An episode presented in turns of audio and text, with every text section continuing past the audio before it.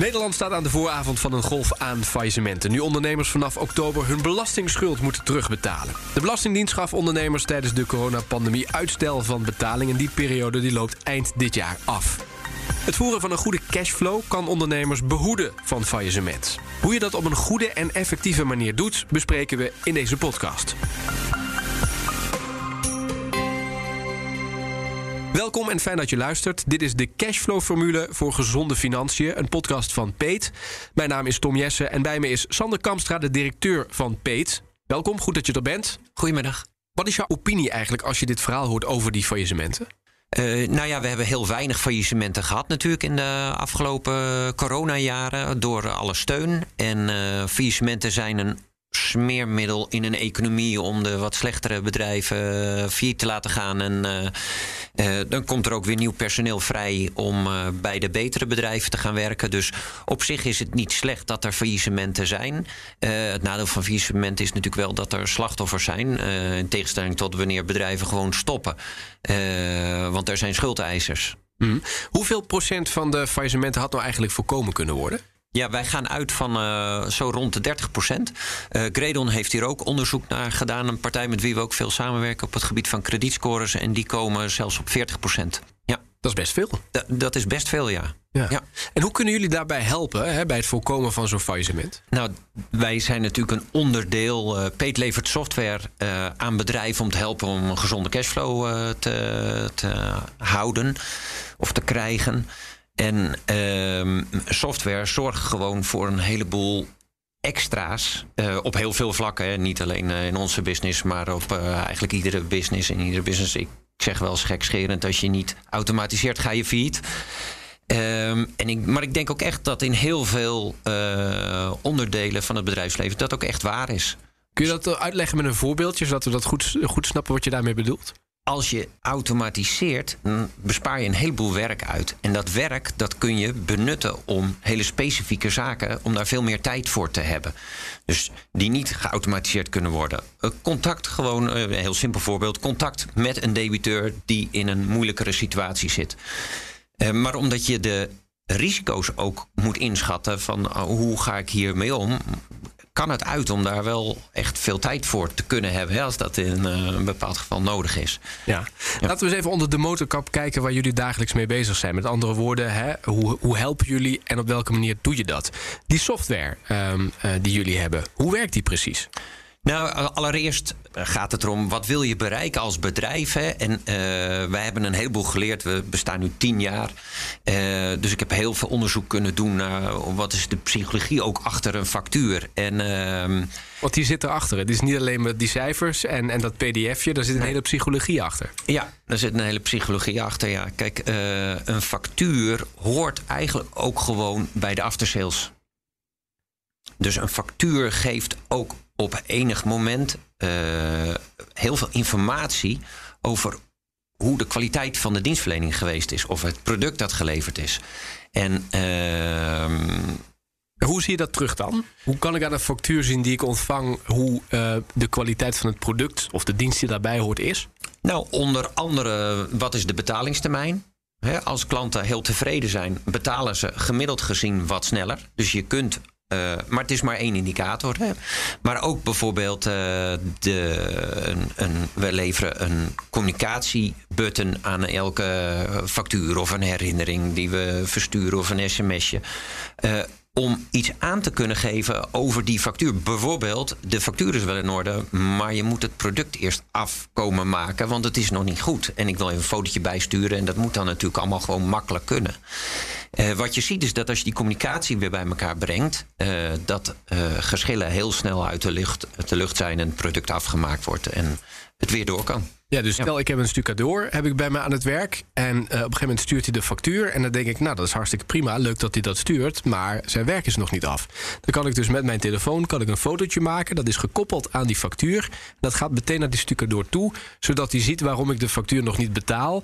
En dan kan hij dus overgaan tot handelen. En dat zorgt er dus uiteindelijk voor dat je dus ja, uh, gemak hebt, snelheid en een goede relatie met uh, nou, in ieder geval het bedrijf dat voor je werkt. Precies dat. Ja. En als het wel goed was, uh, ideal knop erin en uh, gelijk afrekenen. Ja, en dan toch nog even over die termijn die je noemt. Hè? Want je zegt, die, uh, dat hoort ook bij die psychologie. Die Mhm. termijn zegt ook iets over hoe de kwaliteit van het product is. Wat is dan het verschil tussen 14 dagen of 30 dagen... of bij mij, wat mij betreft 60 dagen? Wat kan ik daaruit afleiden? Stel dat ik als bedrijf daar 14 dagen op, op zet. Wil dat dan zeggen dat ik vind dat ik een goed product lever... en dat je daar ook snel voor mag betalen? Mm, in zekere zin zou je dat kunnen zeggen. Maar de feiten zijn dat 14 dagen facturen niet per definitie sneller betaald worden dan 30 dagen. Dat vermoed ik al inderdaad. Ja. Ja. Maar waardoor komt dat? Uh, nou, dat komt onder andere doordat facturen 14 dagen door de ontvanger uh, gewoon in, op de stapel komen te liggen. Uh, en slechter ingepland worden dan 30 dagen. Oh, is dat zo? Ja. ja? ja. Dus... Maar waar heeft dat mee te maken dan? Nou, ik denk in Nederland, omdat, uh, want ik praat alleen voor Nederland. Hè, uh, de standaard in Nederland is gewoon 30 dagen. En als jij met een andere standaard komt, dan vinden mensen daar wat van. Ja, het valt allemaal onder de psychologie, hè? maar jij begon dit verhaaltje door te zeggen: voordat je eigenlijk hè, met onze software aan de slag kunt gaan, moet je als organisatie wel wat zaken op orde hebben. Wat bedoel je daarmee? Nou, ik bedoel vooral uh, dat als je uh, het factuurtraject bij sommige bedrijven is het factuurtraject iets dat er nog even achteraan komt. En dan, uh, ja, dan moeten die uh, klanten maar betalen. Maar het, het is veel meer dan dat. De, de factuur is dus iets dat ook wat zegt over hoe je dienstverlening geweest is. Uh, het is een contactmoment met je klant. En al die contactmomenten moet je ook koesteren, maar moet je ook professioneel zijn en netjes. En uh, en het is dus niet iets zo, uh, zo'n aanhangsel dat nog eventjes na de dienstverlening uh, erbij komt. Wordt dat door veel organisaties wel nog zo beschouwd? Ja. Merken jullie? Ja. En, Lang niet allemaal hoor, maar uh, er zijn er nog een heleboel die gewoon heel trots zijn. En terecht ook op het product of de dienst die ze dan gemaakt hebben. Ja, en dan komt er ook nog even een factuurtje bij. Ja. En eigenlijk zeg je daarmee, je moet het beschouwen, ook dat factuurproject of traject als onderdeel van het product of de dienst die je levert. Dus de kwaliteit die je daar laat zien, die moet je ook uh, laten zien in de afhandeling van uh, de facturatie. Ja, zeker. Kun je een voorbeeld noemen van uh, een hele slechte afhandeling? Hoe moet het absoluut niet? Ja, nou, een heel goed voorbeeld is ehm, eigenlijk tijdigheid is heel belangrijk. Dus wanneer stuur ik de factuur? Je wil de factuur eigenlijk zo snel mogelijk sturen nadat je de dienstverlening of het product geleverd hebt. En uh, je wil ook heel consistent opvolgen, omdat uh, daar is ook heel veel onderzoek naar gedaan. De betalingsbereidheid nadat de dienstverlening geweest is, en dan bijvoorbeeld nog een keer 30 dagen later, loopt daarna. Nou, de schattingen zijn, uh, sommige onderzoeken die zeggen van 1% per dag loopt de betalingsbereidheid af. Dus er is ook iets van urgentie dat je op tijd je eerste herinnering stuurt en op tijd je tweede herinnering stuurt. Uh, consistent gedrag bepaalt hier ook hoe de ontvanger van de factuur en de ontvanger van het product de dienstverlening in zijn geheel ervaart. Met terugwerkende kracht. Je zou hier kunnen zeggen, als je leuke foto's van je vakantie gemaakt hebt. en je kijkt twee jaar later terug naar die vakantie. dan wordt de kwaliteit van die vakantie ook voor een deel bepaald door hoe leuk die foto's waren. Hetzelfde geldt dus voor een factuur. Als je daar consequent uh, een inningsproces op uit, uh, uitvoert, dan wordt de kwaliteit van je dienstverlening ook hoger gepercipieerd. In ieder geval lager als je het niet doet. Dus als jij gewoon 30 dagen nadat de factuur vervallen is, nog steeds niet van je hebt laten horen, is daarna de betalingsbereidheid al behoorlijk minder. En als jij 10.000 facturen stuurt per maand, dan heb je wel een probleem. Want dan zijn er dus een aantal die gewoon niet meer betaald gaan worden. Dat is echt zo. Dus het is niet zo dat dat, dat, dat later komt. Het wordt gewoon niet meer betaald. Nee. En waar blijkt dat uit? Dat, dat komt ook uit die data die jullie zien. Ja, tijdigheid is gewoon heel belangrijk. Oké, okay, dus het is voor je eigen bestwil dat je dit inbakt in je eigen systeem en dat je dat ook consequent uitvoert. Ja. En dan komen we weer terug bij het automatiseerverhaal. Het kan wel eens zijn dat je zelf niet in de gelegenheid bent om het gewoon echt op dit moment op de knop te drukken en het is verstuurd. En dan kun je het automatiseren, want dan gebeurt het automatisch. Ja. Um, een, een goed voorbeeld dan, hè? want dit was een voorbeeld uh, uh, waarin het niet zo lekker loopt. Te lang wachten is niet goed. dienst afgeleverd, product afgeleverd, een paar dagen wachten en dan wel die factuur sturen. Is daar trouwens nog, zijn er nog gegevens, nu we het toch over data hebben, over bekend wanneer je dan die factuur stuurt? Stel vandaag, het is vandaag maandag. Mhm. Vandaag leveren we product X af. Wanneer stuur ik dan mijn factuur daarvoor? Uh, morgen. Morgen meteen. Ja. Meteen op de dinsdag. Ja. Want dan laat je meteen zien, afgerond, klaar, ja. betalen maar. Ja, ik heb niet alleen mijn productproces op orde, ik heb ook de afhandeling uh, van de factuur op orde. Ja. En de herinnering, wanneer stuur ik die? Stel, we houden die 30 dagen aan, hè? nou, nu over een maand, dan uh, uh, is nog niet betaald. Hoe lang wacht ik dan totdat ik mijn herinnering stuur? Nou, ik zou zeggen twee dagen. Twee dagen nadat die vervallen is om kleine irritaties te voorkomen dat de factuur net betaald werd op dag 30 en dan op dag 31 binnenkomt, maar er ook al een eerste herinnering binnenkomt. Uh, ik zou zeggen twee dagen wachten. Ja. Maar niet langer. Nee. En dit zijn eigenlijk dingen die moet je van tevoren moet je die bepalen. Ja. Um, en dan moet je het ook consequent moet je het uitvoeren. Dus wel belangrijk, hè, als je dus zegt twee dagen dan herinnering, ga je dat op al je facturen ga je dat doorvoeren. We zijn er groot voorstander van inderdaad dat je dat uh, als beleid bepaalt binnen een bedrijf. En het ene bedrijf is het andere bedrijf niet. Maar als je het beleid bepaald hebt, consequent uitvoeren. Ja. Een ander ding. Um, wat ook uh, goed werkt, wat jullie ook doen, dat is op de factuur een Ideal-knop toevoegen. Wat is de gedachte daarachter? Nou, steeds meer wordt Ideal natuurlijk gebruikt, ook uh, onder ZZP'ers en het MKB, om uh, een betaling snel te kunnen doen. Dus ja, het is zo logisch als wat dat als je een factuur stuurt, uh, om daar een ideal mogelijkheid aan toe te voegen. Mensen hoeven er geen gebruik van te maken als ze het liever niet doen. Maar uh, ja, ook binnen het MKB wordt daar al zoveel gebruik van gemaakt. Dat is niet ongelooflijk. Dat betekent dus als die per mail binnenkomt, dan zie je die knop daar staan als je hem opent. Dan kun je meteen op klikken en je kunt eigenlijk meteen je betaling kun je uitvoeren. Ja. Wat, is, wat is het effect dat jullie zien door het toevoegen van deze knop? Uh, nou, dat de gemiddelde betalingstermijn uh, enorm naar beneden gaat. En dan moet je echt denken aan 25% of zo, eh, dat de het gemiddelde verbetert. En dat is natuurlijk ook weer chargerend, hè, want uh, niet elke branche daar heeft dit zin.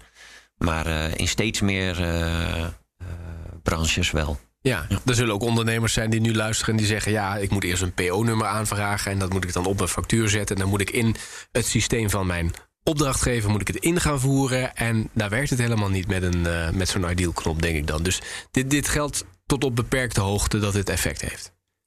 Ja, maar wel het leeuwendeel van het Nederlandse bedrijfsleven hoor. Oké, dus dat is een goed idee. Dat uh, laat dus echt uh, aanzienlijk zien dat die uh, snelheid van het betalen omhoog gaat. Nog één mooi voorbeeldje uit um, ja, de, onder het kopje scharen we dat maar eventjes betaalmoraal. Jij had het over ziekenhuizen. ja. Uh, misschien kun je dat voorbeeld zelf eventjes vertellen. Want dat zegt volgens mij ook iets over hè, hoe die betaalmoraal afneemt. Ja, uh, naarmate de, de, de tijd eigenlijk verstrijkt. Ja, ja er is een uh, bekend voorbeeld van iemand die had zijn arm gebroken. En die, nou ja, die ging in het gips. En zit dan zes weken in het gips. En daarna komt hij weer in het ziekenhuis. Gips wordt verwijderd. wordt nog een fotootje gemaakt. En nou, laten we zeggen, ook nog even vier, uh, vier keer fysiotherapie. Maar vervolgens duurt het een jaar om de factuur bij elkaar te krijgen. En uh, dus na een jaar krijgt uh, de klant, patiënt, krijgt de factuur. En die voelt eigenlijk geen relatie meer nog met de behandeling die hij destijds in het ziekenhuis. Want het is zo lang geleden. Ja.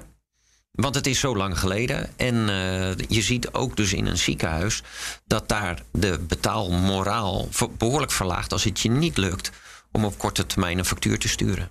Ja. En wat, wat zou je advies dan zijn aan die ziekenhuizen? Want die ziekenhuizen die zullen zeggen: we hebben met, met zorgverzekeraars te maken. Het is een heel ingewikkeld proces. Heel veel schijven zitten ertussen. We moeten dat wel via ja, die stappen doorlopen, want dan wordt het ook overal goed uh, wordt het gedocumenteerd. Wat zou jouw advies zijn aan de ziekenhuizen? Nou, uh, ook daar kijken of je toch de boel kunt automatiseren en dat dat allemaal snel gaat. En dat ja. zou toch moeten kunnen. Behoren ze tot jullie klanten? Uh, we hebben er een paar, ja. En wat, ja, ik snap dat je, je hoeft geen namen te noemen, maar wat zijn ontwikkelingen die je daar ziet? Zie je daar in ieder geval dat dit soort patronen die heel lang duren, dat die doorbroken worden door de, de tools die jullie eigenlijk aanreiken?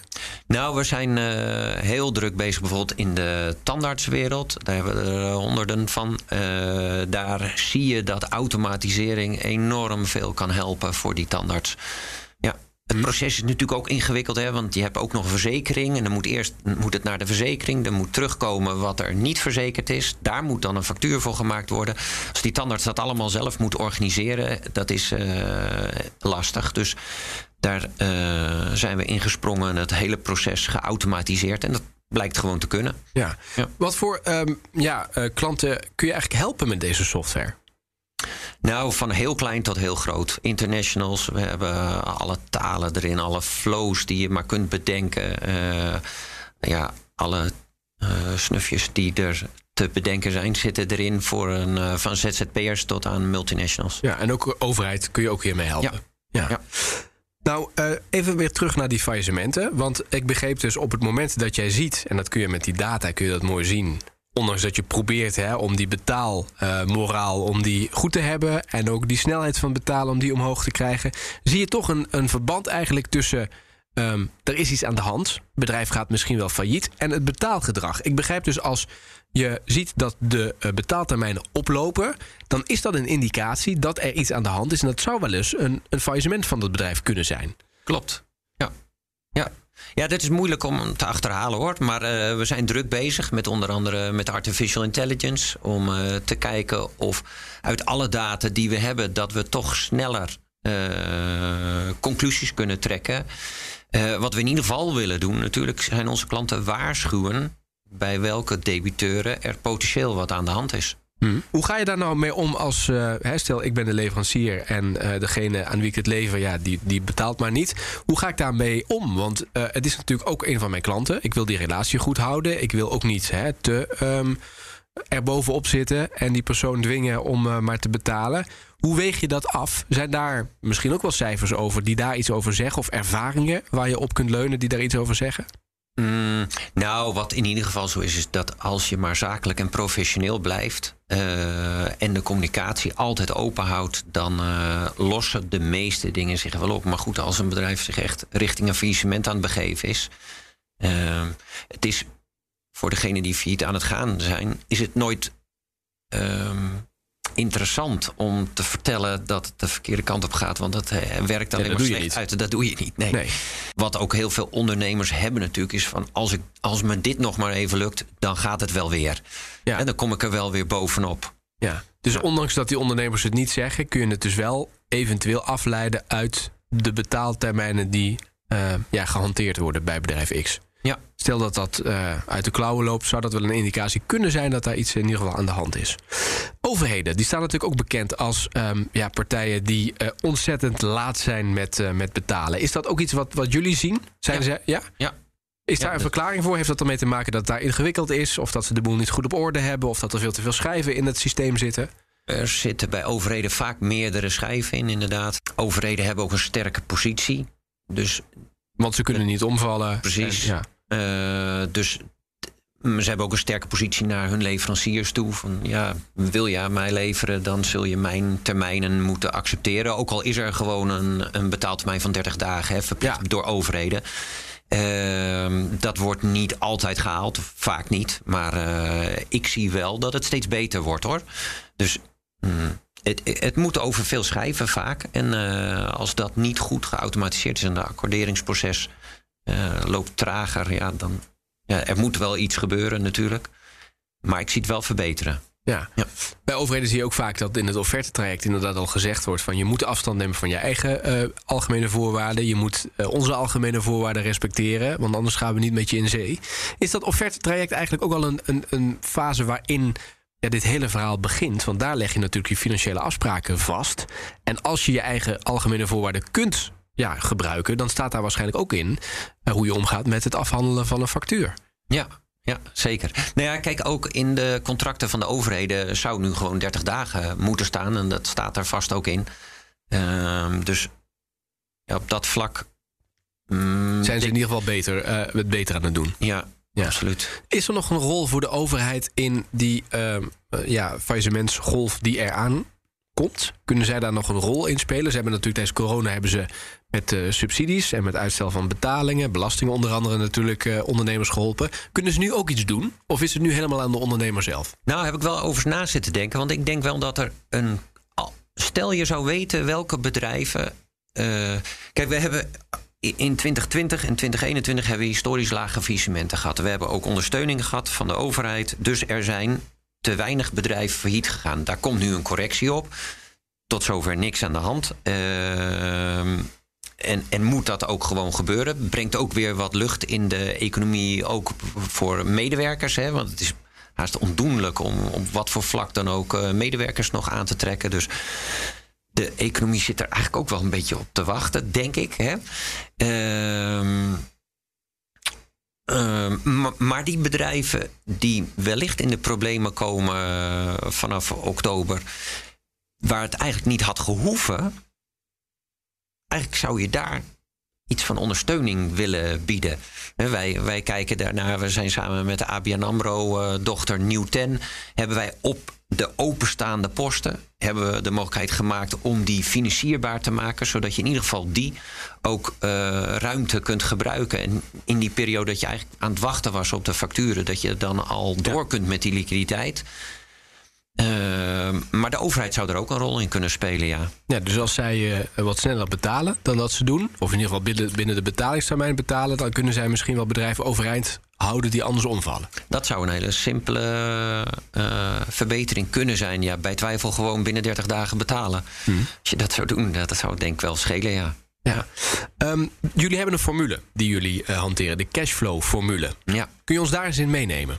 Nou, we hebben een heleboel daarvan al besproken. Misschien kun je hem nog een keer goed ja. samenvatten. Want het is natuurlijk verspreid door dit gesprek. Hebben we steeds hebben we het over automatisering genoemd. Maar misschien kun je ze nog een keer ja. eventjes doorlopen. Het is natuurlijk wel goed om die ook uh, helder op ons netvlies te hebben. Ja, ja, nou ja, kijk, uh, Peet is een softwareleverancier en, en die helpt bij een aantal van de zaken die je goed geregeld moet hebben om uh, in ieder geval je cashflow aan de binnenkomende kant goed op orde te hebben. Uh, de, een van de belangrijkste is consistentie, hebben we het al over gehad.